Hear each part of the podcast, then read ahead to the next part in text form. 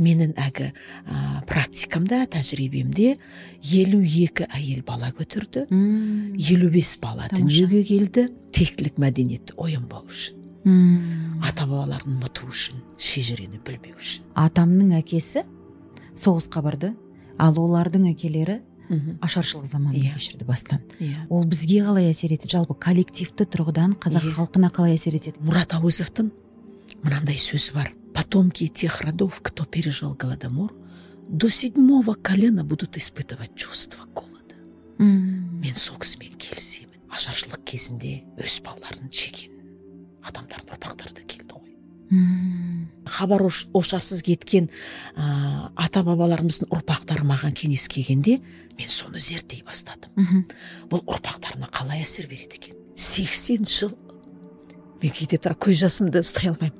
Оларға ешкім көңіл айтқан жоқ. Пандемия қалай әсер етеді? Теріс бата дейді ақ бата дейді осы туралы не айтасыз?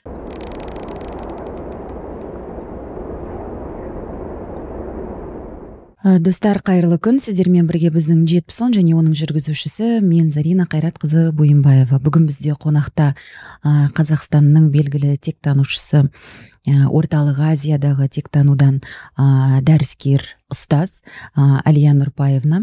Бүгін бізбен бірге қонақта. Әлия ханым қош келдіңіз. Қош келдік. Рахмет сізге уақытыңызды бөліп осылай бізге келіп бүгін осындай бір сапалы контент жазуға мүмкіндік беріп отырғаныңызға. Иә енді а, ақырын ақырын өзіңізді таныстырудан бастасаңыз. Енді жаңа айтып кеттіңіз. Міне биыл жиырма жыл болады. Ә, мен осы салада жүргеніме. Кезінде өз өзімді іздегенде мен кім екенмін? Абай бабамыз айтқандай мен қандай кірпішпін қай жерге қалануым керек? дегенде осы радиология әдісін тауып мхм. сол радиология әдісі бойынша берген тәсілдерді өз өзіме қолданғанда өзгерістерімді байқадым нәтижеге жете бастадым. Ә, әсіресе сол әлгі ол кезде мен түсініп жүргем жиырмасыншы ғасырда бүкіл қазақ еліміздің басынан ата бабаларымыз қандай қиын заман болды. Соның бәрі ана генетика жағынан қарасақ әлі күнге дейін ұрпақтарға әсер береді екен. Оны мысалы медиктер жақсы біледі. Синдром посттравматического расстройства дейді. Ә, соның бәрін өзім түсінгенде. Менің неге сондай кейбір қорқыныштарым бар неге мен кейбір үрейлерім бар неге мақсат қойсам соған жете алмаймын ә, неге мысалы сол кезде мен билікке керемет енді конфронтация көзімен қарайтынмын ә, өзім үшін оқып алдым да. Яғни өзіңізді танудан басталды иә иә? өзімді танудан бас, танудан бастап оқып алдым да сосын кейін өзімнің өзгерісімді байқағанда көзқарасымды эмоцияларымды ізденген адам дамыған адам ең біріншіден соны байқалу керек. Адамның былай жалпы айтқанда ішкі дүниесі дейді ғой. Сол өзгерістер басталғанда сосын кейін енді бұл кісінің әдісі бойынша біз ата бабаларымыздың жиырмасыншы ғасырда тұрған өмірлерінде талқылаймыз дәлелдейміз. Біз қазбаламаймыз оларды кінәламаймыз сөкпейміз. Сонда мен түсіне бастадым әсіресе репрессияға келгенде қуғын сүргінге ашаршылықтың темасына ақырындап а, назарды аудара бастағанда бұл менің халқыма еліме керек екенін түсіндім мхм. ә, сосын кейін толық оқып алдым да сол 2006 жылдан бастап ақырындап ақырындап кеңес бере бастадым мхм. Әртүрлі сұрақтармен адамдар маған келіп тұрды. Ә, солай дами бердік дами бердік. Бұл ана ғылыми әдіс. Валерий васильевич докучаев сол осы әдістің авторының бірі. Ол кісі өзі физик математик болған. Физика математика ғылымының кандидаты ұстаз болған.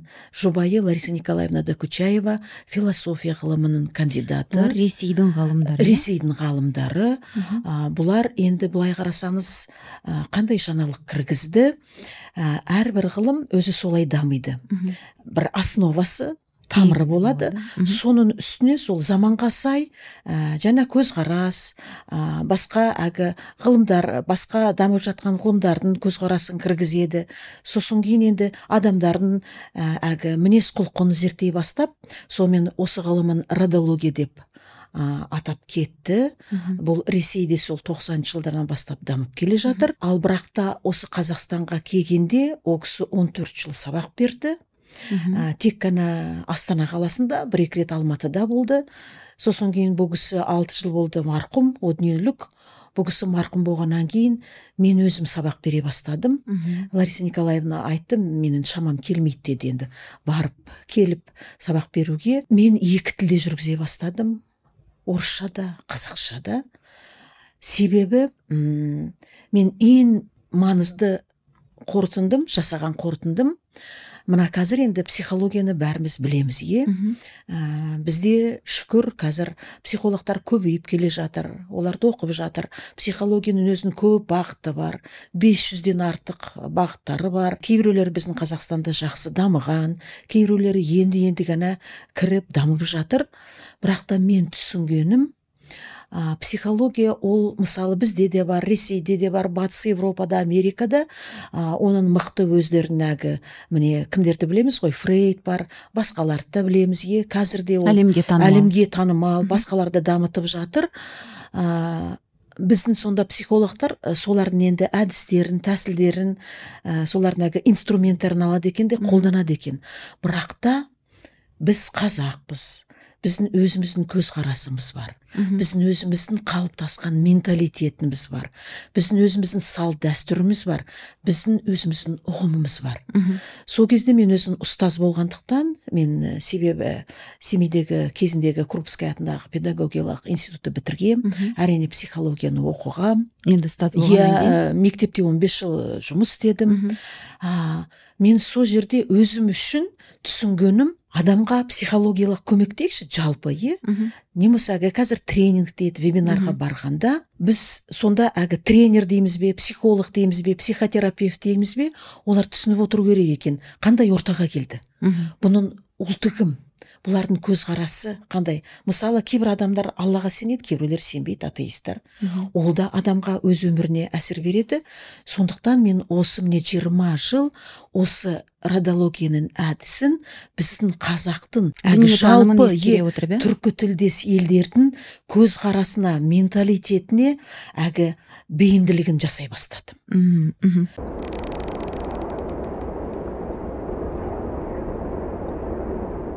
Әрбір ұлттың сол өзінің ерекшеліктеріне назар аудару керек екен. Ол ұлттарға мысалы түсіндіру керек ең біріншіден. Текті не үшін білу керек? Бірақ бізде енді деген Иә. қазақ деген тегін бұрыннан Иә. білген ғой. Е текті не үшін білу керек? Ата бабаларды не үшін ұмытпау керек? Мгм. сондықтан басқа ұлттарға біз соны түсіндіреміз. Ал қазақ қырғыз башқұрт ноғайлар таталарға ә, мысалы өзбектерге ол ол жағын түсіндіріп керегі жоқ. Себебі біздің уже жадымызда біздің қанымызға сүйегімізге тәнімізге ол ә, сіңген ұғым. Ата бабаларды білу керек. Ал екінші бағыты сондықтан енді қазір 20 ғасырда неше түрлі әлеуметтік м, әлгі дағдарыстар катаклизмдар болғанның арқасында оқиғалар болған иә. оқиғалар болды. Совет өкіметінің идеологиясының көзқарасы басқа болды. Бұны әлгі феодализмнің атавизмі деді. Алла жоқ дін жоқ салт дәстүрлеріміз бәрі бұлар керек жоқ деп. Сондықтан біз жоғалта бастадық. Бірақ та аллаға шүкір біз толық жоғалтқан жоқпыз. Біздің гендік жадымызда сол біздің тектілік мәдениетіміз рухымыз сақталып қалды. Ал ә, Бірақ ол сондықтан соны е қалай жаңғырту керек қалай ояту керек. Себебі 20 ғасырдағы бағанағы айтып кеткен барлық оқиғалар біздің халқымыздың қатты қорқыныш пайда болды. Қатты үрей пайда болды. Өз өзімізді көрсетуге қорықтық тілімізден айырыла бастадық. Себебі совет өкіметінің саясаты сондай болды иә? Орыс тілін білмесең адам болмайсың. Иә. Бұл әлгі м, қазіргі маркетингді айтады ғой слоган дей ме? Иә. Вот сондай әлгі ұран сияқылды болды. Ұран сөз ғой. Иә ұран сияқылды болды. Сондықтан ол да біздің уже әке шешелеріміздің ата бабаларымыздың ә, ұғымына сіңіп қалған. Ә, сондықтан менің сол ең бірінші мақсатым ә, біз мемлекет ретінде тәуелсіз мемлекет ретінде қазақ ретінде сол біз мықты халық болғанбыз. Басқа халықтарда мықты болды бірақ та біз өз өзімізді ойлауымыз керек. Сол барлық рухымызды қалай жаңғыртуымыз керек. Біздің сол рухани байлығымызды біздің сол түбімізде жадымызда жатқан барлық жақсылығымызды оятып соны қалай қолдануға болады? Ал екінші бағыт сол текке анализ жасап талқылап адамға қалай психологиялық көмек беру керек. Сондықтан бұл радология мен оны осыдан көп жыл бұрын қазақ тіліне аударуға мәжбүр болдым. Себебі родология дегенде әсіресе қазақтар түсінбей сұрайтын роды принимаете род деген сөз иә, иә, иә, ә, ассоциацияны көріп тұрсыз ғой қандай екен. Сосын кейін ойлана бастадым қазақша қалай аударсақ болады екен? Шежіре тану деп аудара алмаймын шежіре деген бізде бар иә? Мысалы жеті ата деп ол уже ә, ежелгі заманнан бізге қалыптасқан ұғым. Сондықтан біраз ә, үлкен зиялы қауым ер азаматтармен ақылдасып сонда біз әлгі род деген орыстың қазақтың аналогын іздей бастадық. Шежіре келе ме жеті ата келе ме сонда соның ішінде тек деген сөз ә, мына тура сол род дегенне аударғанда текті тану. Родология себебі род деген ол тек логос деген ол грек тілінен аударса ә, білім. Сондықтан тек тану деп ә, 2012 ма 2013 жылдан бастап қолдана бастадым. Текті тану текті білу. Міне қысқаша енді халық та оны былай жылы қабылдай бастады иә жылы қабылдай. Себебі қазақтарға қырғыздар да олар бірақ та кішкене әлгі ұзақтау тек тану деп етеді. Татарларда өздерінің басқа олар көбінесе нәселе дегенді қолданады екен. Мысалы башқұрттар оларда шежіре дейді. Қырғыздар санжыра дейді. Ал міне енді ә, ташкентке барып тұрсақ көреміз. Ана жол іздей бастадық. Қандай сөз? Біреу былай деді біреу былай деді енді уақыт көрсетеді. Мүмкін оларында сондай бір нақты әлгі род деген сөзді өз тіліне аударатын ұғым бар шығар. Бірақ дегенмен мәселен сіз жаңағы тек тану деп жатқан кезде менің мысалы көз алдымда ол кәдімгідей шежіремен бір байланыс бар да. Иә, өйткені мен бала кезімде атам ә, анамның әкесі өзінің жаңағы алдына отырғызып қойып шежіре кітабын ашып қоятын. Ол кезде енді былайша алып қарасақ көптеген үйде өзінің шежіресін жазып отыратын. Иә. Өйткені ұрпақтан ұрпаққа әсіресе ұлдан ұлға беріп отыратын. Мынау сенің атаң осындай болған мына екінші атаң үшінші атаң жетінші атаң осындай болған деп. Сен соған қарап мысалы менің өзім бала кезімде сол аталарыма қарап мәме мына атам мықты болған екен и иә бір рух пайда болады да. Иә. Дұрыс айтасыз сондықтан жаңағы тегін білген Иә. тегін те- а, бала тегін танып өсу керек қой. Иә тегін танып өсу керек. Себебі ә, мына психологияда мынандай ұғым бар біздің әдісімізде. Қалыптасқан мінез құлық әдет ғұрып дейді. Устойчивые модели поведения дейді. Сондықтан әрбір бала отбасында тәрбиеленгенде әсіресе бала кезімізде бізге айтады. Бізді көршіге ұқсатпайды ғой. Мен кейде Иә. сөйтіп қалжыңдаймын. Иә. Тек қана өзінің туыстарына. Қарашы мынаның тұрысы атасына ұқсайды. Иә. Мынаның мінезі шешесінен аумай кетіпті. Сондықтан бізді бала кезімізден туған туыстарымыз әке шешелеріміз әйтеу бір туысымызға келіп сәйкестендіреді мхм ә, міне соны қазір психология пайдаланып психогенетика деп аталады. Ә, оны тағы мына тыңдармандарға түсіндіріп кетейін. Бұл родология тектану әдісі ә, орысша айтқанда бұл междисциплинарная отрасль знаний. Бұл бірнеше саланы қамтиды. е физика ә, валерий васильевич физик болды ғой. Мгм. генеалогия. Генеалогия ол шежіреміз ғой иә содан кейін ә, психология антропология культурология этнография қиылысында пайда болған қазіргі жаңа бағыт. Ғылыми бағыт деп өзімізді санаймыз. Себебі тек туралы айтқанда род деп айтқанда кейбір адамдар ойлайды біз көріп келіміз деп. Біз бір нәрсені болжайды деп сондықтан оны да мен айта кетейік. Көріпкелдікке ешқандай біздің қатынасымыз жоқ. Көріпкел емес біз экстрасенс емес біз біз ештеңені көрмейміз. Біз тек қана ғылыми бағыт бойынша психология бойынша адаммен жұмыс атқарамыз. Сосын кейін тағы кейбіреулер айтады ой оны неменеге тиісесіңдер аруақты қозғамаңдар қазбаламаңдар дейді ондай да ұғым бар. Ол жерде де мен мынандай ә, әлгі түсініктеме беремін біз еш нәрсені қазбаламаймыз біз қозғамаймыз. Аруақтарға біздің қатынасымыз жоқ. Біз әрбір бізге біздің әдісімізді түсінген өзінің бір мәселесін шешкісі келген адамға түсіндіреміз. Біз қазір анализ жасаймыз талқылаймыз. Себебі қазақта міне мынандай ұғым бар. Тұқым қуалаушылық иә. Орыс тілінде оны наследственность дейді. Тұқымына тартпай Да. қоймайды дейді. это фактор наследственности. Сондықтан біз көршіге ұқсамаймыз тағы да қалжыңдап айта кетейін. Біз әйту бір мінезімізбен анамызға бір әдет ғұрпымызбен әкемізге ата бабаларымызға ұқсаймыз. Мхм. оның ішінде былай жалпы тілмен айтқанда тиімді жағымды да мінез құлықтар бар тиімсіз де жағымсыз да. Әдіс біздің кәсіби тілде айтқанда эффективные модели поведения и неэффективные модели поведения. Мысалы ә, посткеңестік ә, дәуірдегі көп адамдарға көп қорқыныш бойларында бар. Мысалы биліктен қорқады кәсібін ашуды қорқады балалары үшін қорқады туған туыстары үшін қорқады. Бұл уже ғылымдар психология ғылым- ғылымы дәлелдеген. Себебі совет ә, кеңесі қираған кезде мгу факультеті арқылы батыс психологтар совет елдерін зерттей бастаған. Сонда біздің адамға көп эмоцияларымыз бар ғой. Соның ішінде қорқыныш үрей 80 пайыз орын алып отыр. Сондықтан біздің өмірге көбіміздің қараған қорқыныш арқылы біз анализ жасаймыз. Мұнда баруға болмайды. Мынау қалай болып қалады? Ал бірақ та қорыққан адам әсіресе әйел неден қорқады? Ол ерте ме кеш пе? Орындалатын нәрсе. Неден қорқамыз? Біз соған тап боламыз ғой. Иә сондықтан психологияда да Иә, айтады ғой сондықтан психологтар сол қалай айырылу жолын көрсетеді ғой.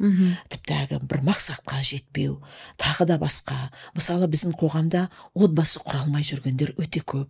Мысалы тағы мынандай ә, күрделі мәселе бар. Ә, қазір шамамен 30-35 пайыз отбасылар әлгі бедеулік диагнозы. Иә. Иә. Соның бәрін біздің әдісіміз бойынша да шешуге болады. Сондықтан біз соның жолын көрсетеміз. Ал ол үшін бұл қорқыныш үрей бұл жағымсыз тиімсіз әлгі эмоциялар кімнен келді? Мгм. соны дәлелдейміз. А осы жерде бір мысал келтіріп келе мысал келтірсек енді міне жаңағы бедеуліктің мысалын келтірейін. Ә, маған осы бедеулік проблемасымен алпыс бес әйел осы жиырма жылда ә, менің кеңесіме келді. Ішінде екі ер азамат болды. Мен осы ә, бір жағынан кейбір адамдар мені қазір ғылым дейді. Мен ғылым емеспін ғалым емеспін бірақ мен практикпін. Иә? Бірақ та мен ә, әлгі жинастыра бастаймын анализ жасаймын статистика жинай бастаймын. Сонда менің анализім бойынша ә, қандай э, проблемалар сол ә, бедеулікпен келген әйелдерде қандай қорқыныш үрейлер бар екен соған анализ жасай бастадым ғой. Сонда генограмма деген біздің сызбамыз бар. Оның айта кетейін. Ә, шежіреде біздің қазақтың шежіресі қырғыздардың санжырасында тек қана ер азамат біздің иә әке жағымыз жеті атаға дейін. Кейбіреулер тоғыз ата дейді. Мысалы якут сақалар тоғыз атаны ұстау керек екен. біздің шежіреде жиырма үш ата тұрған. Жоқ білуіміз керек иә? Мысалы шеше мен олар әке жағынан тоғыз. Бабаны білу керек нағашылар жағынан бес. Сол бұйымдар өткеннен кейін бір бірімізбен әлгі отбасыны Иә, құрастыра иә, аламыз иә. ғой сол үшін ғой. Біздің ата бабаларымыз мықты генетик болған Тазалық. ғой тазалық үшін иә ал мына генограмма біздің сызбамыз шежіре деп аталмайды генограмма деп аталады.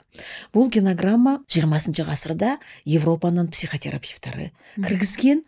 Ол генограмманы сызғанда ә, әке жағымыз да кіреді. Нағашыларымыз да кіреді. Анамыз нағашы атамыз әжеміз содан кейін барлық әйелдерде себебі табиғат бойынша 23 хромосомамыз әкемізден келді Мгм. 23 хромосомамыз анамыздан келді.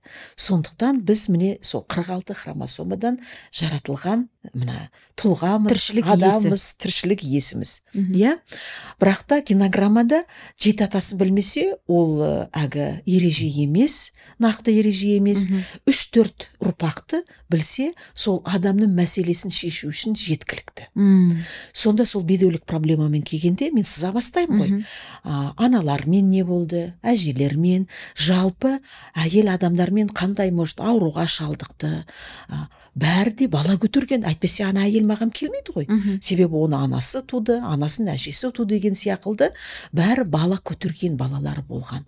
Бірақ та жиырмасыншы ғасырда сол жаңағы әлеуметтік катаклизм болғанда ол кезде медицинада дайын- әлгі дамымаған кезі анда мында біздің сорлы халқымыз қашып жүргенде біздің әжелеріміз аталарымыз ә, кейбір жақта арғы аталарымыз бен арғы әжелеріміз көп балаларынан айырылған иә иә иә. Тоғыз баладан айырылды жеті баладан үш баладан. Бір оқиға есімде қалыпты. Ә, әжесі ол как раз ашаршылық кезі күйеуі қайтыс болған бес баласымен қалған. Тамақ табам деп бір жаққа кеткенге сол жерде әлгі індет дейді ғой оспа ма сондай чума ма бір нәрсе болыпты. По моему қызылорда жақта ғой деймін келсе бес баласы өліп кеткен. Сол ауырған ғой ана кісі бір екі үш күн. Міне сонда вот адам деген енді қандай оның қуаты болу керек қандай күші? әрине. Соған да қарамастай ана кісі екінші рет күйеуге шыққан баласы болған міне сонда маған немересі келіп отыр. Сонда әлі баласы жоқ баласы жоқ болғанда сонда гендік жадында қалған қорқыныш. Балам болса менің балам өліп қала ма деп қорқамын. Мхм. міне сонда қазақтарда басқа ұлттарда білмедім 80 пайыз жаңағы бедеулік проблемасын келген әйелдердің тектерінде қандай оқиғалар болған? Әжелері аналары балаларынан айырылған. Түрлі себептермен иә, жаңағы иә, соғыс бар психологиялық себебі ашаршылық бар. сол ол ментальдық себебі сол рухани себебі сол. Сонда біздің әдісіміз бойынша біз сол түйін первопричина дейді ғой. Сол түпте жатқан себеппен жұмыс істейміз. Мхм, сонымен жұмыс істегенде ол әженің өмірінде болған ғой. Сен сондықтан басқа адамсың. Біз әжемізді ол үшін кінәламаймыз сөкпейміз жазғырмаймыз. Оның өмірі сондай болды жағдайы заман сондай болды. Ал адам өз өзін бағдарлай алатын тіршілік иесі. Ә, валерий васильевич қалжыңдайтын человек самопрограммирующее се существо. Біз өзімізге қандай ұстаным береміз? Біз соған сенім арқылы сондай нәтижеге келеміз. Сондықтан менің әжемнен айырмашылығым менің барлық балаларым аман есен дендері сау өмірлері ұзақ. Сосын кейін келесі балаларының өмірлері ұзақ болған ана ол бақытты ана. Сонда соны түсініп мен бақытты анамын. Балам үшін әлгі контроль болмасын мен балалар үшін жаным мысалы ә, тоқ мен оларға сеніміндімін деп. Сонымен сол әйелдер өз өзімен жұмыс істегенде менің әлгі ә, практикамда тәжірибемде елу екі әйел бала көтерді. Елу бес бала дүниеге келді. Ә, егіздер де бар. Міне қазір бір келіншек тоғыз жыл бала көтермепті. Барлық тектегі себептерін таптық. Кейбір себептері мысалы әжелері босанған кезінде Мхм. өтінеулік болып кетті ме? Мысалы енді біз жаңағы ә, далада тұрдық. Иә медицина ол кезде дамымаған. Иә. Мысалы әйелдер жиырма құрсаққа дейін көтерген оның Иә. ішінде бір иә. оны дүниеге келеді. Болмаса он құрсақтың ішінен бесеуі келеді бесеуі шетінеп кететін. Сонда бұның бұның барлығы әсер етіп отыр ғой. Барлығы әсер етіп отыр. Ә, сол ана қазір қазір ана ә, аяғы ауыр. Мхм. маған емес маған жіберген кісіге айтады екен ешкімге айтпаңыз. Сіз әлия нұрпаевнаға айтыңыз. Енді ол ешкім білмесін көз деген ондай да бізде сенім бар. Сонымен енді қазір тілеп жүрмін енді алла тағала нәсіп етіп балалы болсын деп аман есен бұл сосын кейін тағы біздің әлгі тыңдармандарымыз түсініп отыр. Біз неге ата бабаларға мына үш төрт бұйынға буынға әлгі назар аударамыз? Бұны генетиктер зерттеді. Міне жаңағы айттым ғой бізде ұғым бар. Тұқым қуалаушылық деген. Иә иә Иә. сондықтан әй бұл тұқымын қуалаған әй бұл сол сөйтіп анаған тартып кеткен сөйтіп тартып кеткен деп біздің қазақтар бұрыннан айтатын. Ә, ал қазір генетиктер зерттеп жатыр. Вообще генетика ғылым ретінде жиырмасыншы ғасырда ғана дами бастаған. Бірақ та совет оған дейін рұқсат бермеді ғой? Иә ол батыста қатты дамыды батыс елдерінде. Бізде сталин барлық генетиктерді репрессияға ұшыратты ғой. қазір түсінемін не үшін. Тектілік мәдениетті оянбау үшін Мм. ата бабаларын ұмыту үшін шежірені білмеу үшін менің ойымша солай мхм. генетиктерді екі ә, бірінші отызыншы жылдары содан кейін қырық сегізінші жылдары ә, генетиктер қатты репрессияға ұшырады ғой ал қазір сол генетиктердің зерттегені бойынша соның ішінде тимофей фрисовский деген мықты генетик болған ол кісі карлақта отырған ес ақылынан айырылған бірақ та Мм. әлгі американы біз ә, жеңуіміз керек деген кезде сталин әлгі сол түрмеде отырған ғылымдарды шақырып ол кісі ес ақылына келіп көп сондай генетикалық ғылымда өзінің көп ә, әлгі Жұмыстарын? жұмыстарын жасаған валерий васильевич сол кісінің бәр жұмыстарын оқып дәлелдеп батыста марбара мак кликток деген ә, америкалық цитогенетик 82 жылы нобель премиясына ие болды Мм. геномды ашқан үшін Мм. геном факторын Мхм. иә сонда қорытындысы генетиктердің екі мықты қорытындысы бар біріншісі қалыптасқан мінез құлық әдет ғұрып үш төрт ұрпақ анық түрде көрінеді білінеді. Мм. себебі біз әке шешемізді білеміз көбінесе ата әжемізді. Олар туралы бізге айтады. Олар бізге жақын буындар ғой. Мхм. эмоционалды иә. барлық сондықтан қазір фотоларын да көреміз иә. Олар бізге жақын. Ал не бізге жақын ол әрине бізге қатты әсер береді ғой.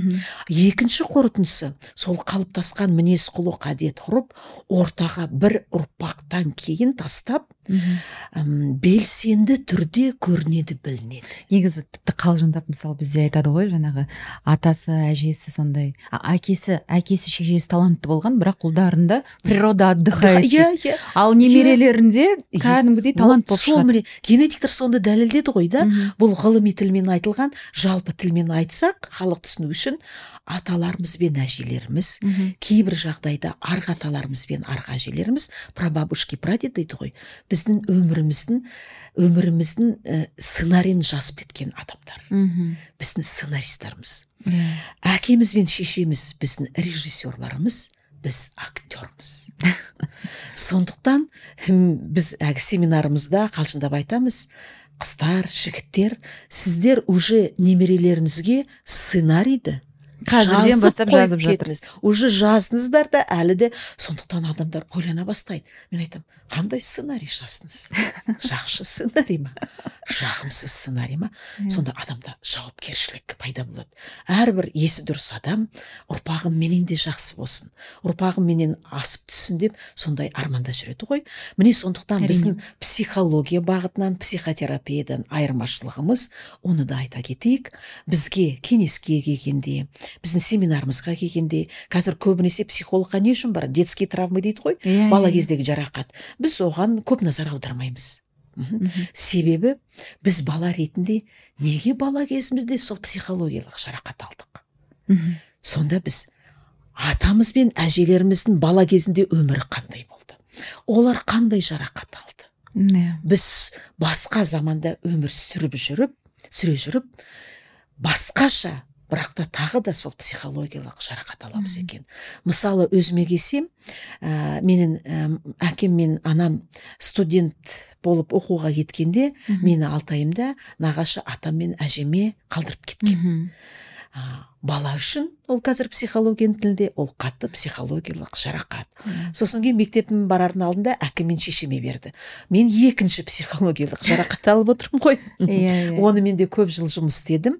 Ал сосын кейін тегімнің тарихын оқиғаларын сұрай бастырғанда менің нағашы әжем мені тәрбиелеген ол кісі де өзінің ана әкесімен тәрбиеленмеген екен. Ә, анасының баласы болмаған апайына берген екен. Мм. сондықтан міне сол оқиға қайталанып отыр ғой. Ә, отбасыдағы тектегі тұңғыш бала әжемде қыз бала менде қыз бала. Ол өз себеппен әлгі апайының қолында апасының қолында басқа анасының қолында тәрбиеленді. Мен басқа себеппен уже атам мен әжемнің қолында бірақ сол бір процесс тұр. бірақ та әлгі ресми логикаға аударсақ то есть тұңғыш бала өзінің әкесі мен шешесімен тәрбиеленбейді. Мхм. Соны не норма ретінде қалдыруға болады бірақ та ол жағымды уже процесстер жағымсыз процесстер басталса уже ол норманы өзгертуге болады. Мгм. сондықтан біздің әдісіміз бойынша менен былай түйіндеймін сол жерде жатыр. Біздің аталарымыз бен әжелеріміздің өмірінде. Мысалы әлгі комписке дейді ғой? Ол әлгі мүлікті тартып алып жерді байлығымызды тартып алған менің ойымша менің өзімнің статистикам бойынша қазақтың сексен пайызы сол кездегі сондай компискеге ұшырады. Байлығынан айырылды. Біреуі қытайға қашты біреуі иранға біреуі сосын кейін әлгі түркияда түркияға ауғанстанға. иә ауғанстанда біреулері моңғолияда тұрып жатыр. Ал біздің еліміздегі қалған сосын кейін олар репрессияға ұшырады. Ары қарата кейін әлгі отан соғысы болды. Мгм. ол да біздің еліміз үшін қатты әлгі коллективтік жарақат болды. Сондықтан мысалы компискеге ұшырағандардың ұрпақтары олар көбі бизнесқа барады. Себебі гендік жадында бай болу ес әлгі память дейді ғой бар. Мхм. Сондықтан мен түсінемін неге олар бизнесқа кәсіпке не үшін барады? Бай болу үшін ғой иә? Өзінің Жағдайын жағдайын жасау үшін. туған туыстарының жағдайын жасау үшін. Бірақ та а, бір жағынан ол адамға мотивация әлгі талпынады. Бірақ та көп айтады неге мен адамнан қорқамын? Біреу налоговыйға баруға қорқады. Біреу түсінген кәсібінен айырылып қалады. Ә, ал соның бәрін зерттей бастағанда сондай адамның көбінің сондай қорқыныш бар. Айырылып қалам ба? Ә, біреу тартып ала ма? Партнерім маған қалай қарайды? А ондай оқиғалар болып жатыр партнер тартып алып. Билікте тартып алып жатыр. Сонда мен қалжыңдап айтамын қазіргі міне жиырма бірінші ғасырда сіз тағы да компискеге ұшырадыңыз ғой. Бірақ басқа уже басқа себептермен. Себептермен. Көбінесе әлгі біз қазақ бізде мына әлгі біздің мәдениетіміз тектілес мәдениетіміз қалай? Один за всех все за одного. Мхм батыста каждый сам за себя. Әрбір адам өзі үшін ғана. Ал біздің мына әлгі намады елінің е мына әлгі көшпенді елдің біздің психологиямыз басқа. Біз бір біріміз үшін е. Сондықтан қазақ анаған да көмектесуім керек мынаған да көмектесуім керек е. Сонда мен байқағаным әйтеуір бір отбасыда текте біреу алдыға шығады. Ең мықтысы рухы да көш ол қорықса да қорықпаса да әйтеуір кәсібін ашады. Қалғандары соның айналасына топтасады. Иә топтасады. Бірақ та топтасқанында мағынасы бар ғой. Оған көмек беріп топтаса ма? Жоқ маған ғана бер деп пе. Сондықтан біреуі анаған да көмектеседі мынаған да көмектеседі. Сосын кейін уже өзінің әлгі бірге туған әлгі ағайынына емес олардың балаларын кейбір айтады уже олардың немерелеріне. А олар үйреніп кетеді. Тек қана алып үйреніп кетеді де сол біреуі уже елу алпыс жетпіске жеткенде уже шаршайды. Мынаның бәрі не болды өкпе реніш пайда болады. Сондықтан мен соны да түсіндіремін. Сонда мен қалжыңдап айтамын. Сізді получается өзіңіздің туыстарыңыз компискеге ұшыратты ғой. Иә солай.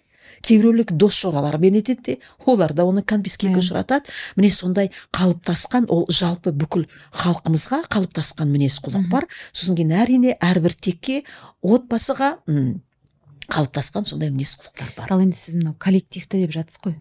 Біздің қазақ шынымен де иә жаңағы ә, соғыс көрді. Иә. Ә, ашаршылық нәубетін көрді. Иә ата бабаларымыз төртінші бесінші мысалы мүмкін менің жағдайымда менің ә, атамның әкесі соғысқа барды.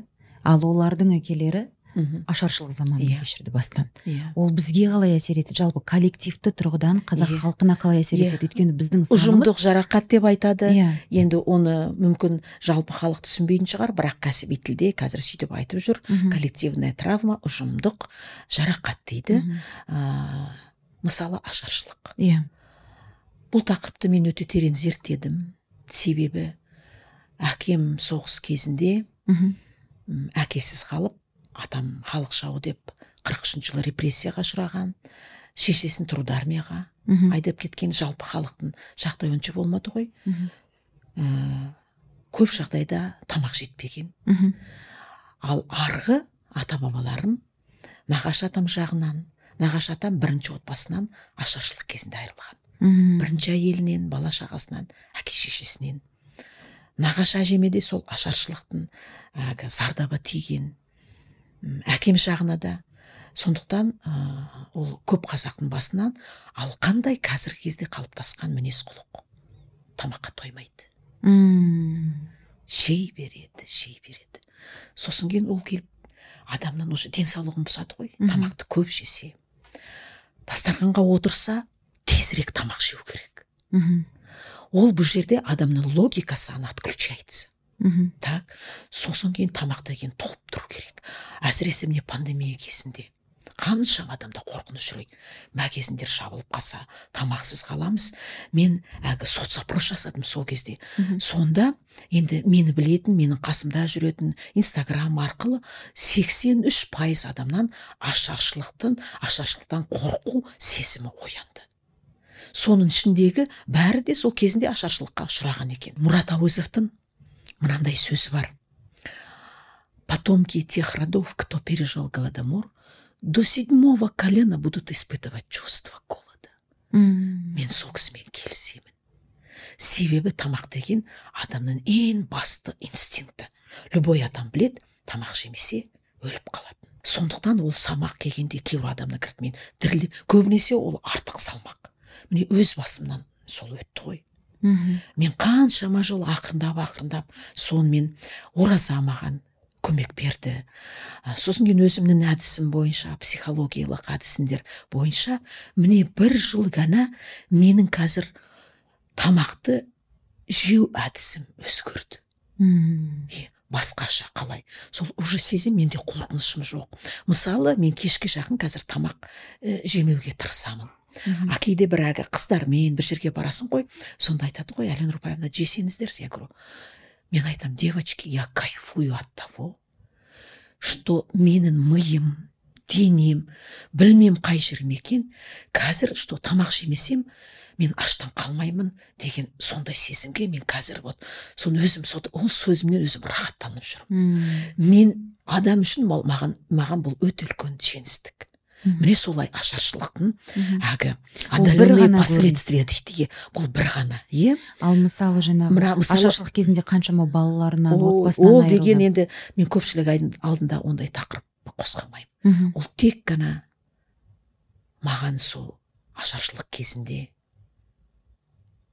өз балаларын жеген адамдардың ұрпақтары да келді ғой. Мм. міне алла басқа бермесін. Сақтасын. мен жұмыс істеуім керек қой. Иә сондықтан ашаршылық деген это самая страшная форма смерти тағы да мұрат әуезовтің сөзі. Сондықтан біз мен түсінемін әлгі біздің қоғам қайраткерлері бар ғой. Сол ашаршылықтың тақырыбын не үшін қазір көтеріп жүр? Сондықтан біз қоғам болып мемлекет билік болып халық болып соны түсініп оны ашық айтуымыз керек. Құпияны жасасақ қайталайды. Бұны бұған психотерапевттер назар аударған. То что скрывается то что тайное оно обязательно повторится. Құпия деген болмау керек. Бірақ та бұл жерде енді ешкімді кінәламай ешкімді біз и так та бір бірімізді тура уже шаршадық наверное. Сен жаман сен жаман сен мынандайсың сен мынандайсың. Соны просто әлгі сабырлықпен отырып соны ақырындап талқылауымыз керек. Ал мысалы отан соғысы Мгм. Біздің мына басқа орталық азиядағы мемлекеттерге қарасақ қазақстаннан ең көп кетті иә? бір миллионнан астам қазақстандықтар кеткен көбі қазақ. Соның тең жартысы оралмады 600 мыңнан астам. Соның ішіндегі жартысы 271 мың адам хабар ошарсыз кетті. Иә. Соның бәрі хабар ош- ошарсыз кеткен ә, ата бабаларымыздың ұрпақтары маған кеңес келгенде мен соны зерттей бастадым. Бұл ұрпақтарына қалай әсер береді екен? Сөйтсем әлі күнге дейін бессознательно мына әлгі түп сана ретінде балалары әлі тірі жүрген немерелері шөберелері атасы туралы хабар күтіп жүр екен. Әлі күнге дейін. Әлі күнге дейін. Міне 80 жыл өтті. Мгм. Себебі адам білгісі келеді екен. Ол қалай хабар ошарсыз? Ол болған адам ғой. Ол қалай жоғалып кетті? Себебі совет өкіметінің саясатта болды ғой. Хабар ошарсыз кеткен ора сатқын деп. Мм. ешкім де Иә, сатқынның иә, туысы иә. болғысы келмеді. Ол тағы совет өкіметі оған өз себептері болды оны қозғамай ақ қояйық иә. Сондықтан мен соны түсінгенде о міне бес жыл болды. Майдан көмекович кусаинов деген ол кісі керемет ол данышпан адам. Өзі міне ә, жетпіс тоғызда ғой деймін түріне қарасаңыз ондай жас бермейсіз. Ол снг да ең бірінші әлгі поисковик иә? Сол кісімен танысып сол кісімен ол кісі өзі ұстаз араласып міне бес жыл болды сол өзім қасымдағы әріптестерімді шақырып біз атамның аманаты қоғамдық бірлестік аштық. Тегін ретінде волонтер ретінде біз сол хабар ошарсыз кеткен ата бабаларымызды іздейміз. Қаншама міне қазіргі кезде сегіз мыңнан астам тапсырыс келді екі мыңнан астам жауынгердің жауынгерлік жолын кейбір жағдайда айту ақпарат мәліметтер тауып сосын кейін жерленген жерін тауып ұрпақтарына хабар жеткіземіз. Хабар жеткізгенде де жай жеткізбейміз бірінші көңіл айтамыз. Мхм. Сексен жыл мен кейде бірақ көз жасымды ұстай алмаймын. Оларға ешкім көңіл айтқан жоқ. Біріншіден айтамын атаңызды таптық. Көңіл айтамыз. Қазақтың бұл рухани қазақтың салты. көңіл айту дегені иә Иә, өйткені. рухани салты. Иә сосын кейін айтамыз атаңыз батыр болды. Сіз бұндай аталарыңызбен Мақтану мақтаныңыздар. иә бұл толық өзінің азаматтық борышын ер азаматтық борышын толық атқарды бала шағасын тастап анау майданға кетті. қаншама әлгі боздақтар әлгі әлгі ұрпағы қалмады ғой. Сондықтан әлгі біз құран оқығанда ең маңызды ұрпақ қалдырмаған деп сондықтан ана адамдар өзгереді ғой. Кейбіреулері бізбен хабар хабарда болады. Ә, бір ер азаматты байқадық. Ә, біздің офисімізге келді. Атасы хабар кетіпті. Мен уже түсінемін ол адамға қалай. Олардың мен сондай біртүрлі сезінеді. Кейбір айтады иә мен өзімді сатқын сияқты сезінемін қоғамда белсенді жұмыс атқара алмайды жұмыста да біртүрлі болып жүреді. Сосын кейін хабар ошарсыз кеткендердің ұрпақтары төрт бес ұрпаққа дейін әйтеуір бір нәрсені жоғалтып отырады. Мхм. бұл называется бессознательное ожидание потерь психология тілінде. Мхм. ә, түп саналық е сол бір нәрсе жоғалады деп күтіп жүреді. Түсінесіз бе? Сондықтан біреуі абыройынан жоғалады. Жоғалтып алады түсінесіз бе? Біреуі үйінен үйін жоғалтады. Кейбір әйелдер әсіресе мына әшекейлерін жоғалта береді. Біреуі сотовый телефондарын жоғалта береді. Соны психология тілмен айтқанда тоқтату керек. Мхм. гештальт дейді ғой. Иә иә ал сонда не, не, не істеу керек? Жоғалған ата бабаңды ізде тіпті табылмаса да ниеттен. Мхм. сондықтан айтады ғой әлгі ниетінде қандай ниетпен сен әлгі бір істі атқарып жүрсің дегендей сол адам былай қарасақ кішкене былай әлгі былай әлсіз сияқылды сондай өзі сондай биік е- ер азамат болатын. Біз уже көзқарасымыз уже кәсіби көзқарас қой. Біз адамның уже бойына қарап түріне қарап мен уже білемін онда қандай проблемалар бар екенін. Керемет сәтті жағдай болды. Атасын ә, ресейде украина беларусь белоруссияда көктемнен күзге дейін шайқас болған жерде қаншама жауынгерлер жерленбеген. Иә. Қазба жұмыстар жүргізеді. Мхм. соның атасын сондай қазба жұмыста көтерді ғой. Медальоны сақталып қалыпты. Мәссаған. Бір жарым айдан кейінге міне сондай біздің екі үш жағдай бар. Бізге тапсырыс береді. Оның сондай әлгі ресейден көтерілді. Қостанай жақтан екен. Мәйітін алып келіп сол жақта Рәсімін жерленді туған жерінде жерленді. Сосын кейін біздің офисқа келді ғой. Мхм. басқа адам. Арқасы деген міне. Көзі деген басқаша. Сол бізге ризашылық білдіріп. Міне сондай онымен мен әлгі тек танушы ретінде ешқандай жұмыс істеген жоқпын бірақ та міне өлі разы болмай тірі баймайды деген бұл қазақтың сөзінде терең психологиялық ұғым жатыр. Иә енді осы жерде мысалы жаңағы пандемия қалай әсер етеді? Пандемия. Бұл да бір сондай бір иә. әлеуметтік енді ол да бір Катастрофа катастрофа болды. Себебі жүз жыл бұрын европада испанка деген грипп болған. болған, иә. оны білесіздер жүз жылда сондай қайталанып отырады.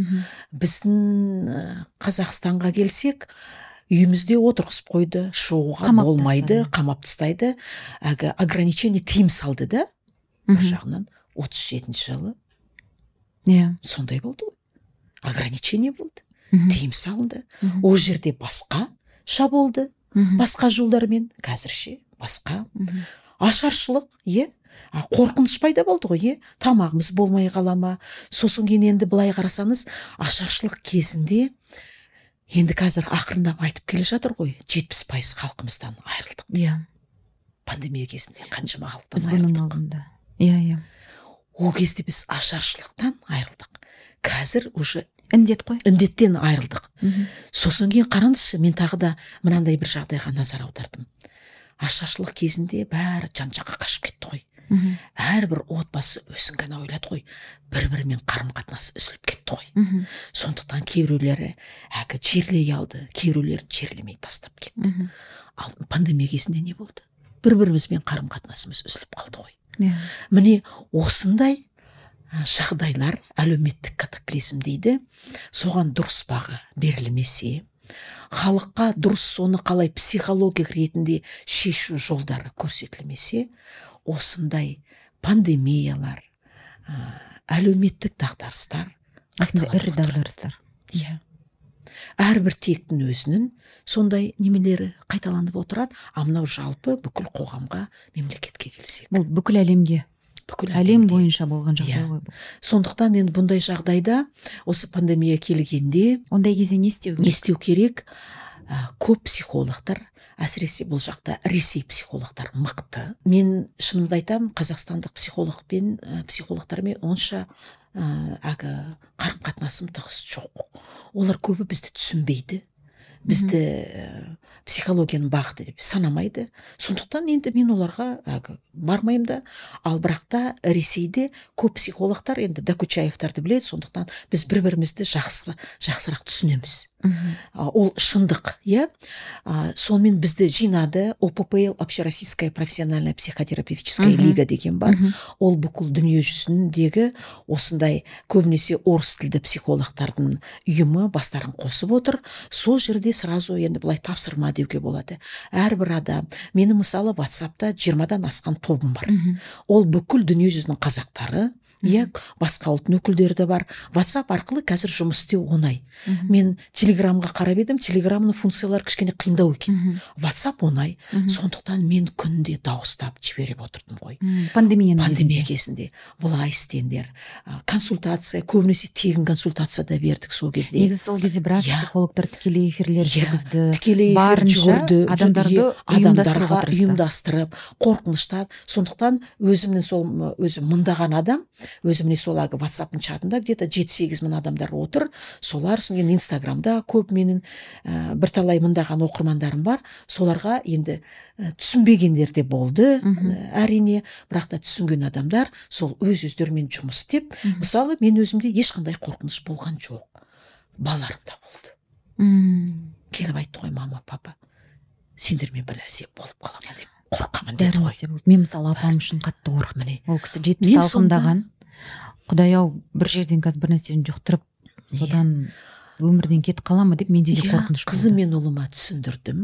Себебі менің балаларымның арғы аталары ашаршылық кезінде пандемия туысқандарынан айырылды әке шешелерінен айырылған.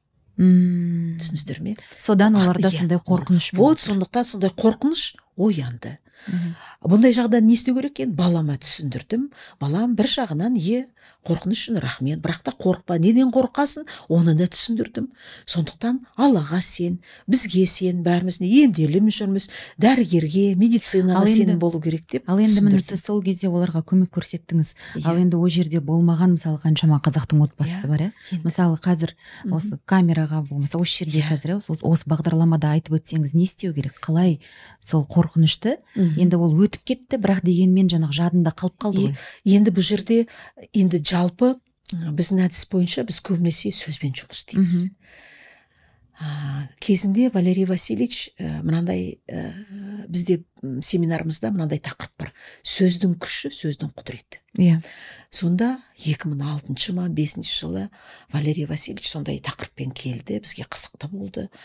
Ә, айта бастады сөздің адамға қандай әсер береді екен Мгм. қазақта да Сосын сөз бар ғой. иә таяқ еттен сөз сүйектен ондай көп қой е. Сонда міне аналар ғылымдар былай зерттеді жапондар былай зерттеді былай зерттеді деп соның сөз ә, мынандай қорытынды жасады. Ә, сейчас говорит ученые доказали слово проникает на уровень днк. Деп Иә. ғылымның қорытындысын. Сол кезде маған сақ ете түсті ғой сөз сүйектен өтеді. Иә. Міне қазақ ешқандай генетиканы білмей жапондықтарды білмей ешқандай зерттеу жасамай бірақ сөзмен айтқан. Валерий васильевичқа айтқанда ол таң қалды. Рас па? Міне біздің сүйек деген ол не? Ол днк ғой. Иә сонда ол, ол кісі қалжыңдайтын кейде. Әлия что еще ваши казахи сказали? сендердің қазақтарың сондықтан біздің халық орыс халқына қарағанда сондай көп мақал мәтелдерді сақтап қалған. Сонда біз соны ол кісі отырып талқылайтын ол кісі уже физик ретінде психология ретінде талқылайтын. А сондықтан сендердің халықтарың былай айтқан себебі былай істесең былай болады былай болсаң жақсылық аласың былай болса жамандық болады деп соны еткен. Сондықтан біз көбінесе әлгі қазір оны аффирмация дейді бірақ та аффирмация ұстанымды бет албады құрастыруға болмайды. Мхм. соны көбі түсінбейді ой мыналар аффирмацияға беріліп кеткенде біз сол әде адамның сұранысына қарай сауалына қарай бүкіл текке анализ жасап жақсы сөз жарым иә біз сол адамға бізге әлгі психологтар сияқылды. Допустим он күн сессияға келіп қажеті жоқ. Мхм. мысалы біз әлгі шизофрениктермен жұмыс істемейміз. Бізде тоже көп бар. Біз сол әлгі ақылды өзіне сенген сана сезімі сондай әлгі адекватный адамдармен жұмыс істейміз. А, мен сондықтан өзім солай жұмыс істегенге сенем. Адам түсінсе өз өзімен де жұмыс істей алады. Бұл жерде біздің психологтардан айырмашылығымыз. Психология көп психологтарға көбінесе әлгі депрессия сондай қатты жаман психологиялық жағдайда жүрген адамдар бала Мхм. ғой. Біз оларды сразу психологтарға жібереміз. Өзімнен сол қазақстанда бір төрт бес жақсы психолог әріптес- әріптестерім бар. Астана алматы соларға жіберемін сосын кейін барып бізге мына депрессиямен де жеңіп кел сосын кейін бізге келесің деп. Сондықтан енді мысалы ә, бізді тыңдап отырған адамдарда туған туыстары үшін қорқыныш болса бір нәрсе болып қала ма деп. Ал енді тарихымызға қарасақ ашаршылықта ғана біз жетпіс пайыз туысқандарымыздан ата бабаларымыз айр- а, айырылды ғой. Ал енді соғысты алайық репрессияны алайық. Сондықтан ол тағы да біздің қанымызға біткен қорқыныш. Туыстарымыз үшін қандай сөз арқылы ұстаныммен жұмыс істеуге болады. Менің барлық туған туыстарым кейбіреулер айтады құдаларымды қосуға бола ма? Болады әріптестерім жолдастарым ата анам бала шағам аман есен дендері сау өмірлері ұзақ адам соны қайталай берсе тіпті қолына қаламсап дәптер алып жазса соған сене бастайды. Мхм. сонда біздің әлгі тағы былай коллективтік ұжымдық ретінде неге сенсек сонда біздің бәріміз жақсы боламыз. Бұны қазір әлгі физикада да қазір құдай ау қандай физика дейді бір нәрсе физика деп оны қазір әлгі дәлелдеп Нейрофизика. дей ме е квантовая физика дей ме. Соның бәрі себепті ол адамның ойы біз әлгі электрический волна эфир ғой. сондықтан мен сенсем менің туған туысқаным бәрі аман болса ол менің туған туыстарыма да тарайды эфир арқылы талайды. Міне сондай ұғымдармен сену керек. Сосын кейін әлгі аллаға сенген адамдар ә, мен ол кісілерге айтамын кейбіреулер атеисттер атеистқа мен оны алла тағаланы не үшін қосамын қоспаймын. Ал бірақ та біздің қазір көбі алла тағалаға сенеді ғой. Соны ұстанымнан уже алла тағаладан сұрауға болады. Дұға дейді ғой. Е дұға ретінде бірақ біздің қазақ Е, алла тағаладан соны- ғой. Е қалаймын сұраймын деп сөйтіп қосуға болады. Ниеттенуге болады. Міне қысқаша енді жалпы бәрі түсінетін жолы осы.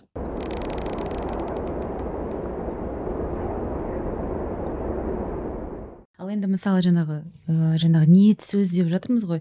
А жаңағы ата бабамыздың баталары дұғасы ұрпағына берген. Енді теріс бата дейді ақ бата дейді. Осы туралы не айтасыз? Ә, мен кеңес бере бастағанда аха. әсіресе жаңағы екінші сөздің күші сөздің құдіретінде валерий васильевич қарғыс тақырыбына айта бастады. Мхм. оқырмандарға мынандай бір ұсыныс берем. Интернетте ол бар. Синдром синдром предков деген мықты орыс тілде кітап бар. Авторы ан шуценбергер иә европаның мықты психотерапевті. Сол кісі жиырмасыншы ғасырда психотерапевт ретінде тектің тарихына тектің историясына назар аудара бастайды. Сонда ол кісінің байқағаны сол отбасыда бірнеше ұрпақ бір жағдай қайталана береді екен. Мхм. Сосын кейін ол кісі таңғалып зерттей бастады. Сосын кейін сөз арқылы сол қарғыс ол кісінің мынандай бір мықты мысалы бар. Бір әйел келеді ә, сол әйел бүйтіп айтады? Біз байқағанымыз қаншама буынымызда ұрпақтарда тұңғыш бала марқұм болып кетеді. Мм. Жасөспірім жасында әйтеуір бір нәрсе болады да аурудан болсын басқа бір нәрседен өліп қалады. Қазір айтады менің үлкен қызым да ауырып жүр сол қызымнан үлкен немерем де ауырып жүр. Мен қорқа бастадым енді бір нәрсе болып қала ма деп. Мхм. Сонда сұрастыра бастаса 500 жыл бұрын мхм. Францияда революция көп болған иә ғой. Иә иә бұн оның әгі оларда архив жақсы сақталған ғой. Иә. архив арқылы тауыпты. Мм. оның үстіне әгі ауызша аңыз ретінде айта берген ғой.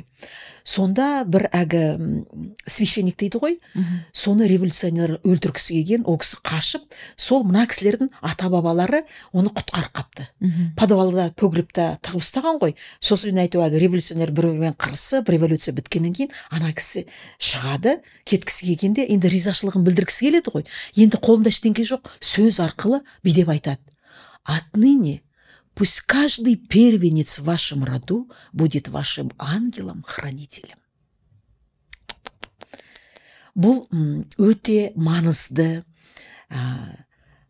адам айтқаны. Олар өздері видимо верующий адамдар болған е священник айтқан мынандай экстремальный жағдайда айтылған сөз.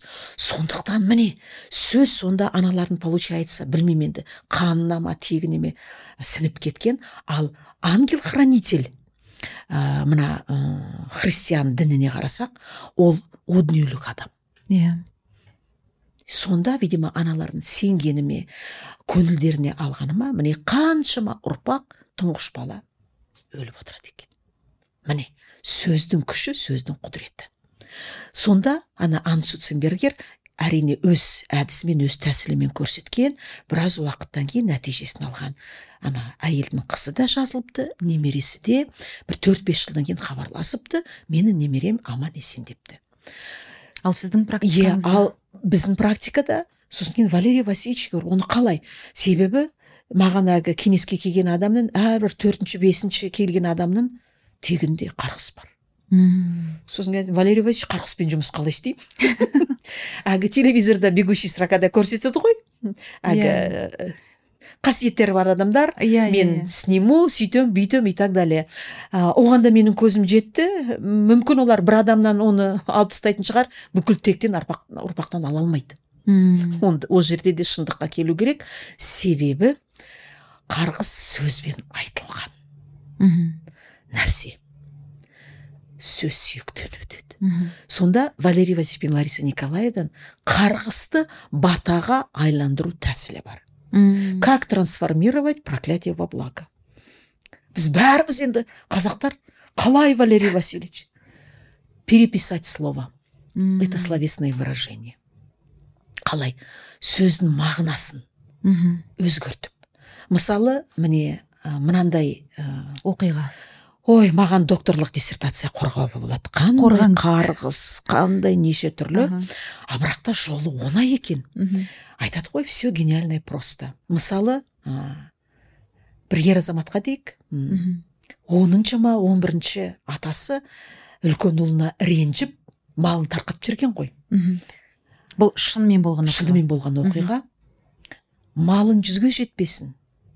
Жүзге жетсе күзге жетпесін депті әлі күнге дейін соны ұрпақтары біледі.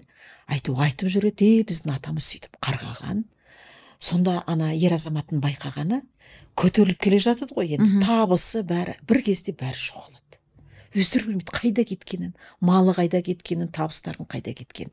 Сонда получается ана кісінің қарғысы ғой күзге де жете алмай жүр. Соны не істеу керек? Бізге сол бабамыз ана баба ә, аты есімдерін сақталған. Сонда получается былай 46 хромосомаға қарасақ генетика жағына қарасақ Мгм. ол қанға сүйекке сіңіп кеткен. Мгм. сонда ұрпақтары как бы образына әлі күнге дейін өз өздеріне қарғыс беріп тұрады ғой. Оның түбі баюға болмайды солай. Мгм. сонда өз арқылы өзгертуіміз керек қой. При этом бабаны кінәламаймыз сөкпейміз. Сол бабамыз бізге малын жүзге жетсін жүзге жетсе күзге жетсін деп ақ батасын беріп тұр. Мм. Міне сондайды жазса мхм. сол қарғыс мүлдем кетеді екен. Әрине бір үш төрт ұрпақ қосылса жақсы адам кейде бірақ адам. Мысалы бедеуліктің бір себебі болды. Тоғыз жыл бала көтермеген екі жарым жыл сол келіншекпен жұмыс істедім. Құдай ау әке шешесіне де өкпе ата енесіне күйеуіне бәрін. Ал ә, маған келген соны бедеулік ы, диагнозымен келген бір жылдан кейін көп болса бір жыл- жылдан кейін көтеріп кететін. Мына қыз көтермейді көтермейді. Мен түсініп жүрмін әлі бір себебі бар әлі бір нүктесін тапқан жоқпыз. Мхм. Клубтық кездесуімізге әкесін алып келді. Мхм. Сөйтсек әкесінің үш қызы. Ұл жоқ. Мхм. Қазақ үшін бұл енді проблема. қайғы. Да. Себебі қазақтың ұғымы бойынша ұрпақ тек қана ұл арқылы жалғасы жалғасады. Генетиканың ұғымы бойынша ұрпақ ұл арқылы да қыз арқылы да жалғасады. Соны біз қазақтарға басқаларға түсіндіруіміз керек қой. Мысалы орыс тілді психологтар оны түсінбейді. Неге ұл деген қазақ үшін сондай маңызды роль атқарады? Ол тек қана қазақ психолог қана оны түсінеді иә? Соны айта бастағанда бір уақыт ана кісі отын орнынан атып тұрды ма? Балам есіме түсірдім деді. Сонда оқиғасы былай болған. Кезінде қашқанда ашаршылық кезінде а, сол әкесі ғой әкесінің атасы рудың басшысымен бір конфликт болып сонда рудың басшысы бүйтіп айтыпты. Өзегін толмасын ұрпағың болмасын депті. Қарғыс қой. Қарғыс. Сонда мына әкесі жалғыз ұл а оның ұлдары жоқ. Мхм. Қарғыстың әсері болып тұр ғой. Ә, сосын кейін психотерапевтта мынандай сөз бар. Тело реагирует на память дейді. Иә. Ана қызы да отыр ғой. Бірінші рет естіп тұр осы оқиғаны. Ана сөзді естігенде жылағанда. Тура енді ана жерде өксіп жылағанда қосылып бәріміз де жыладық. Содан кейін ана папасы айтады не істеймін қызым сен бір нәрсені жаз деп айтады екенсің. Бәрін де жазам. Қызым үшін ұрпағым болу үшін бәрін де жазам деп. Сонда айттым аға жолы оңай сосын кейін ана қызға да вот енді таптық нүктесін таптық міне сонда сөз қаншама ұстап тұр. Бәрі жағынан біз сол қызбен жұмыс істедік қой иә. Не істеу керек? Сол рудың басшысы есімінде уже ешкім білмейді ол жүз жыл бұрын оқиға. Бізге маған өзегін толсын ұрпағым болсын деп ақ батасын беріп тұр. Міне сонда қарғысты батаға айналдырып мынандай жағымды тиімді жақсы сөздер ар- арқылы ауыстырып оны ауызша ойша қайталауға да болады. Бірақ та менің байқағаным бұл менің кәсіби ұсынысым соны жазып шықса. Оның да, да саны бар қанша рет жазу керек екен оны да ғылым дәлелдеген 500 рет жазу керек Мм. сонда адамның миында жаңа, Жаңа нейрондық байланыс пайда болады жаңа не қандай нейрондық байланыс болады адам соған сенеді неге біз дінде астафыралла астафыралла деп қайталауымыз керек иә субханалла неге адамның дамуы қайталау арқылы Иә. повторение мать учение деп бекер Иә. айтпайды ғой. Соны етсе соны біраз уақыттан кейін ана қыз аяғы ауыр болып дүниеге ұл баланы әкелді міне осылай.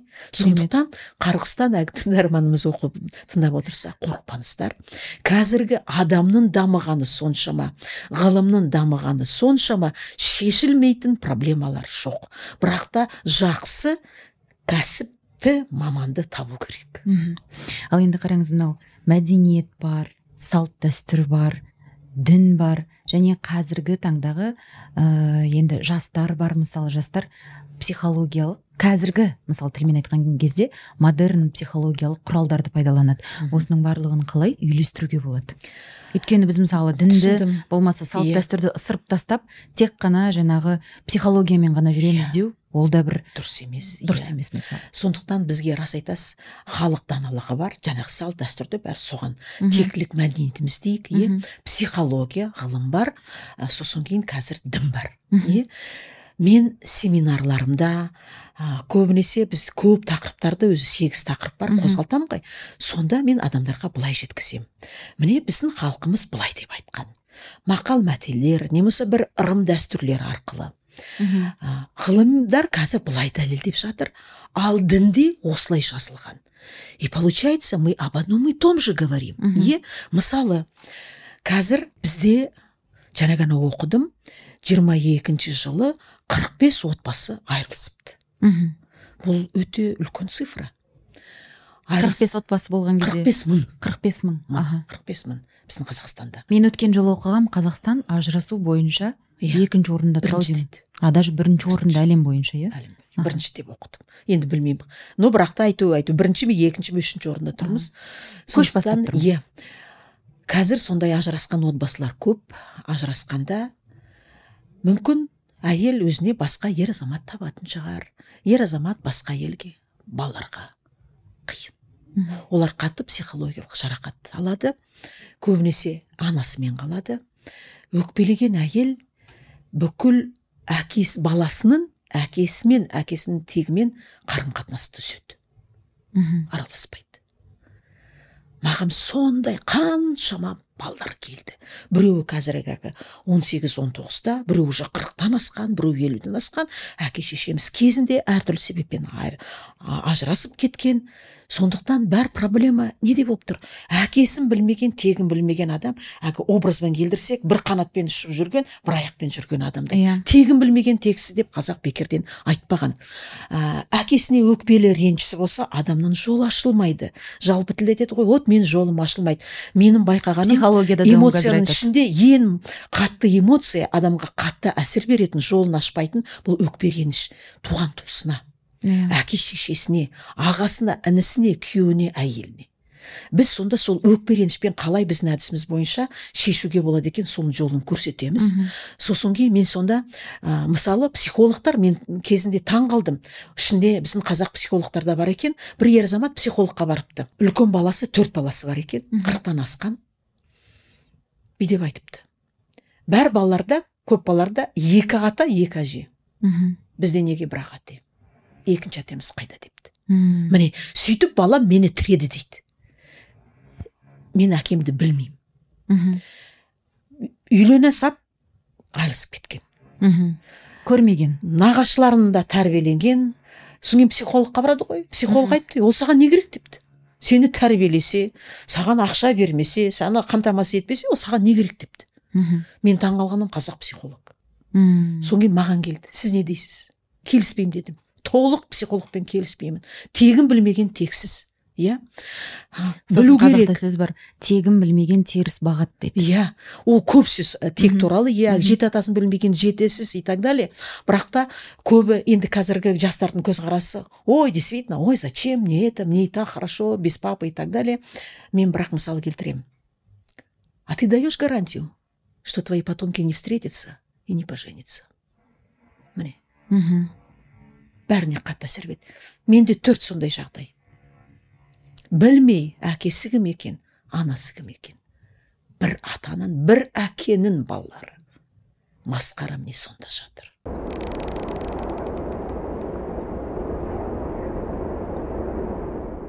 Мына баланың допустим әкесімен иә? Хадис бар. Кто прерывает родственные связи тот не войдет в рай ни на земле ни на небе. Міне хадис ә, туған әлгі туысқандық қарым қатынасынан айырылған адам. Айтады ғой үш жәннатқа кірмейді үш күннен Иә. артық ренжуге болмайды болды. Сондықтан мен көбінесе хадисті былай айтқан. Сосын кейін біздің қазақ мынандай сөзі бар. Енді туыстарды біз таңдамаймыз иә?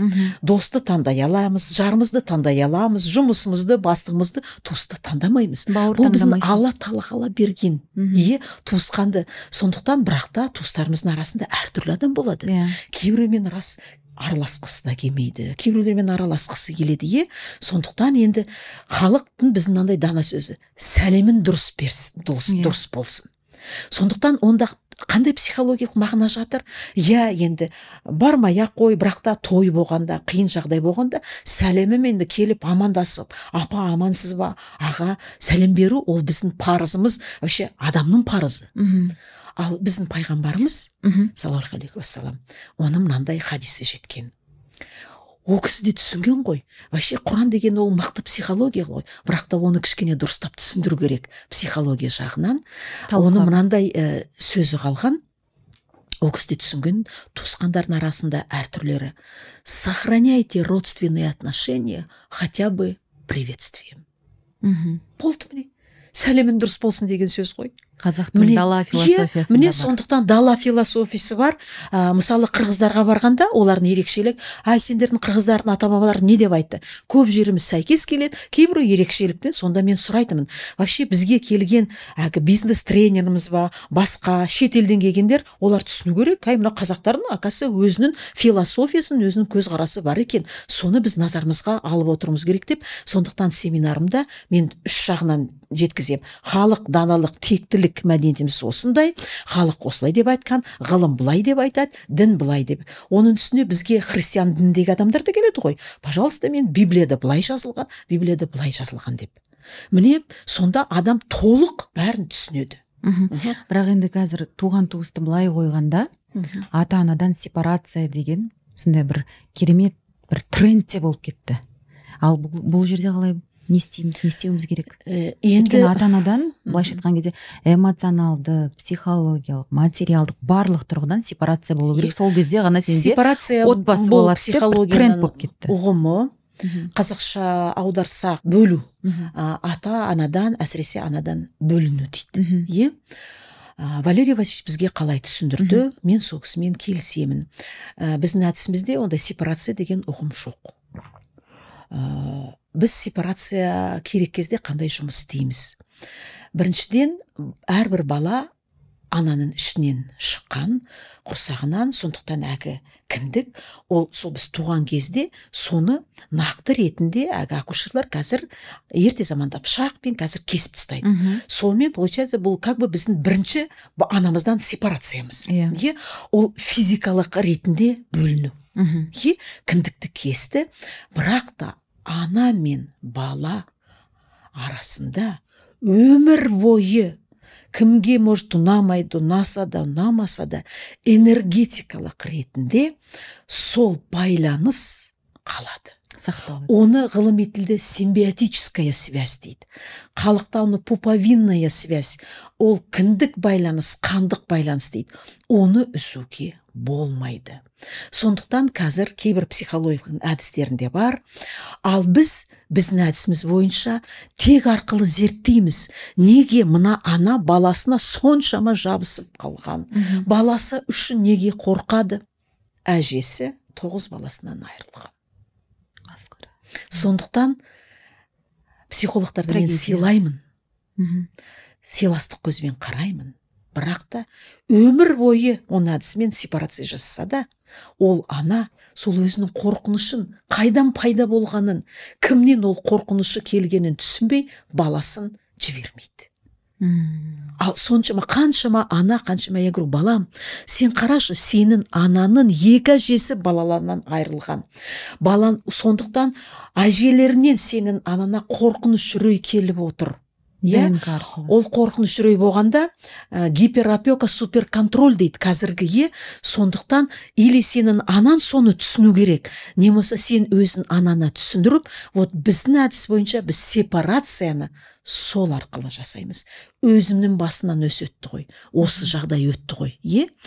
Менің нағашы әжем тоғыз баласынан айырылған өз әжем екі баласынан. Сондықтан мен түсіндім ғой мен не үшін балаларымды н- қайда бардым неге бардым өзім солар үшін бәрін шешкім келеді. Вплоть до того қандай киім алу керек екен мен шешуім керек.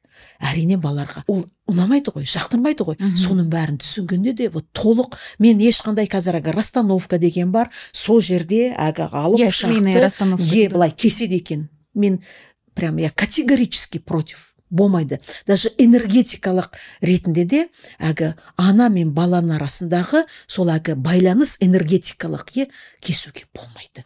Оны тек қана ұзарту керек. Мм. Тіпті айға кетсең де сенің анаңмен сол байланысың қалады. Алла тағала табиғат бізді солай жаратқан оның үстіне айтады ғой ата Иә. ананың дұғасын алла Иә, тағала бірден иә. қабыл етеді дейді. Вот сепарация. Сондықтан Иә. кейбір сондай видимо осы генетикалық факторларды түсінбейтін психологтар сондай әдісті қолданады. Біз өйтіп қолданбаймыз.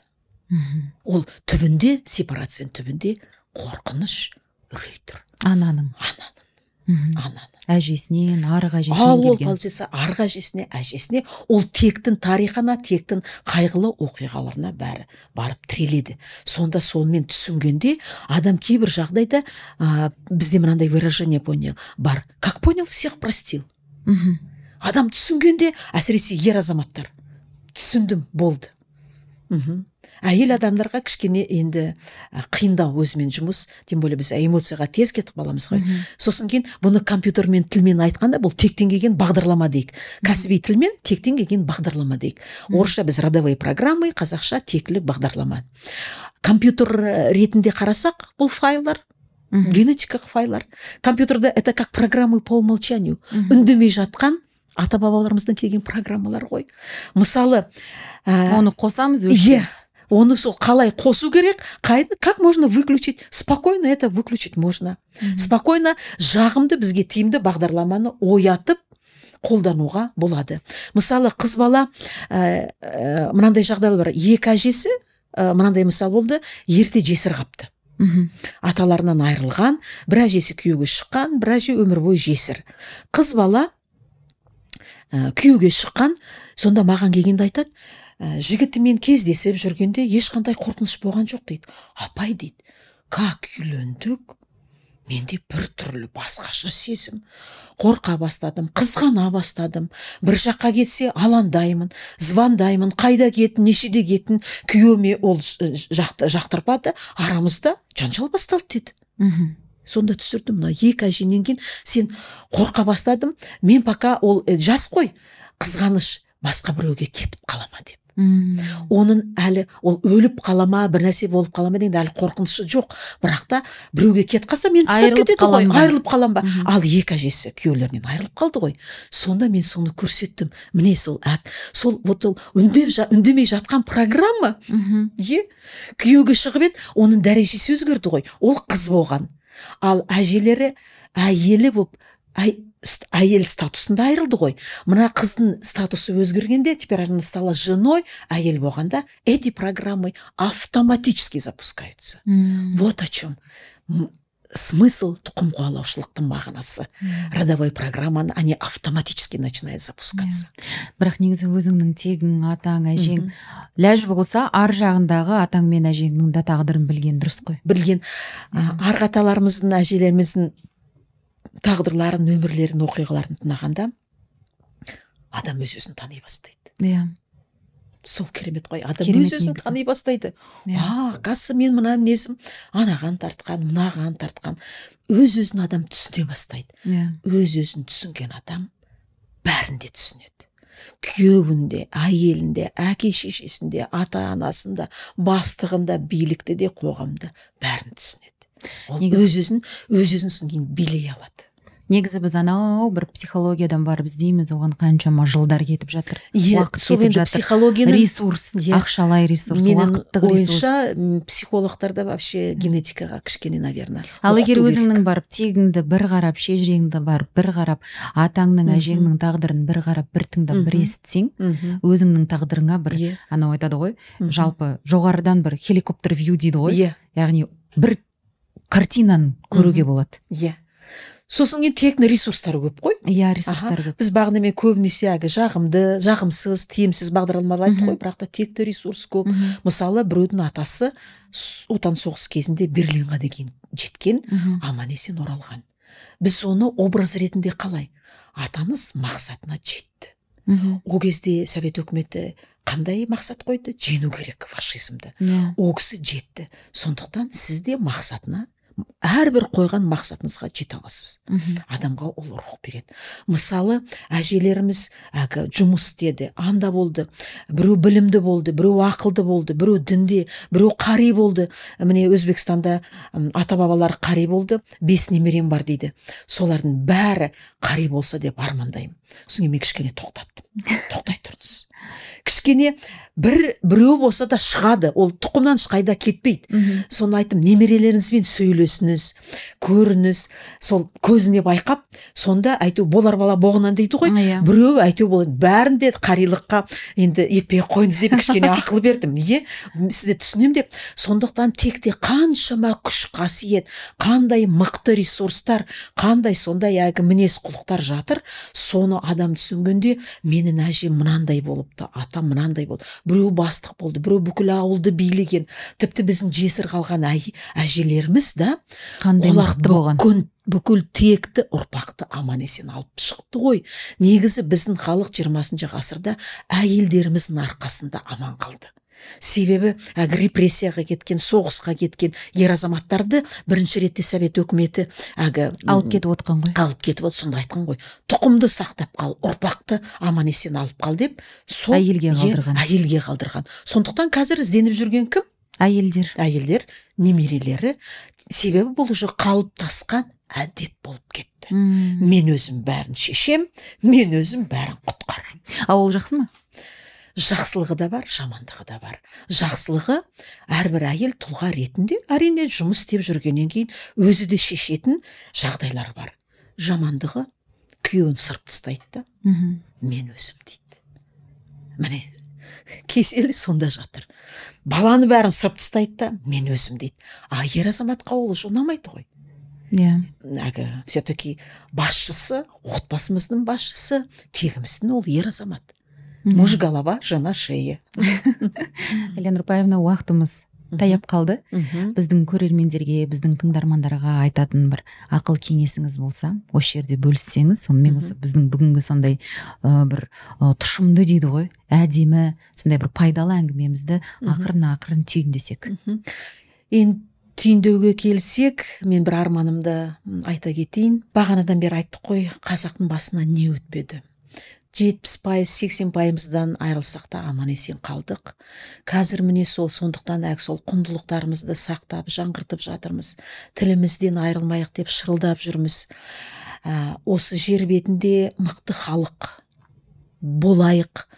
Алла тағала соны нәсіп етсін. Бәріміз де ақылды болайық. Бір бірімізді түсініп жүрейік.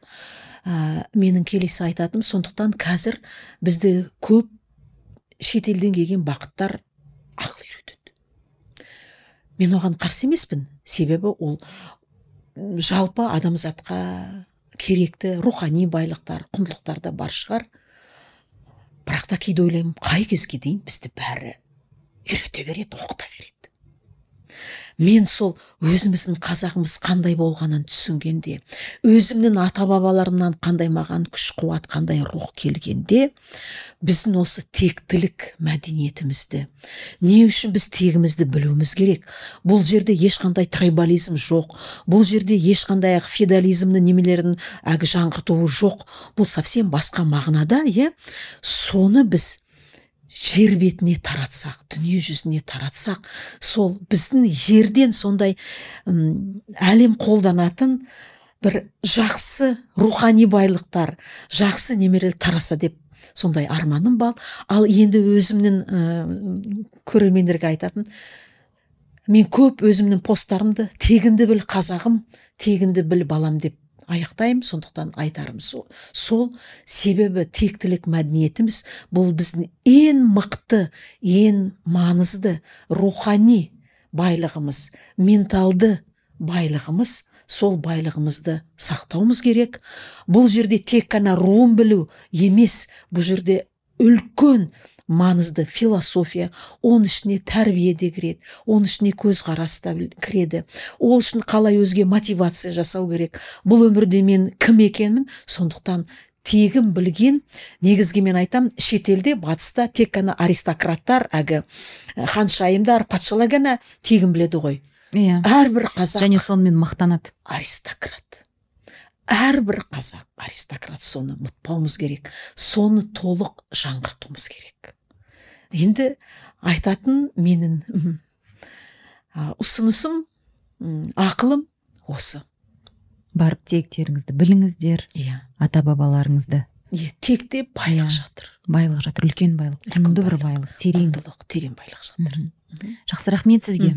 Уақытыңыз үшін рахмет. Әрі қарай сізге тек қана сәттілік тілеймін. Барша қазақ осы өзінің былайша айтқан кезде ата бабасын өзінің ыыы жаңағы тегін білсін зерттесін көрсін. Сөйтіп жақсы жаңағы жарқын болашақта өмір сүрсін әмин сізге де Иә. рахмет. Рахмет.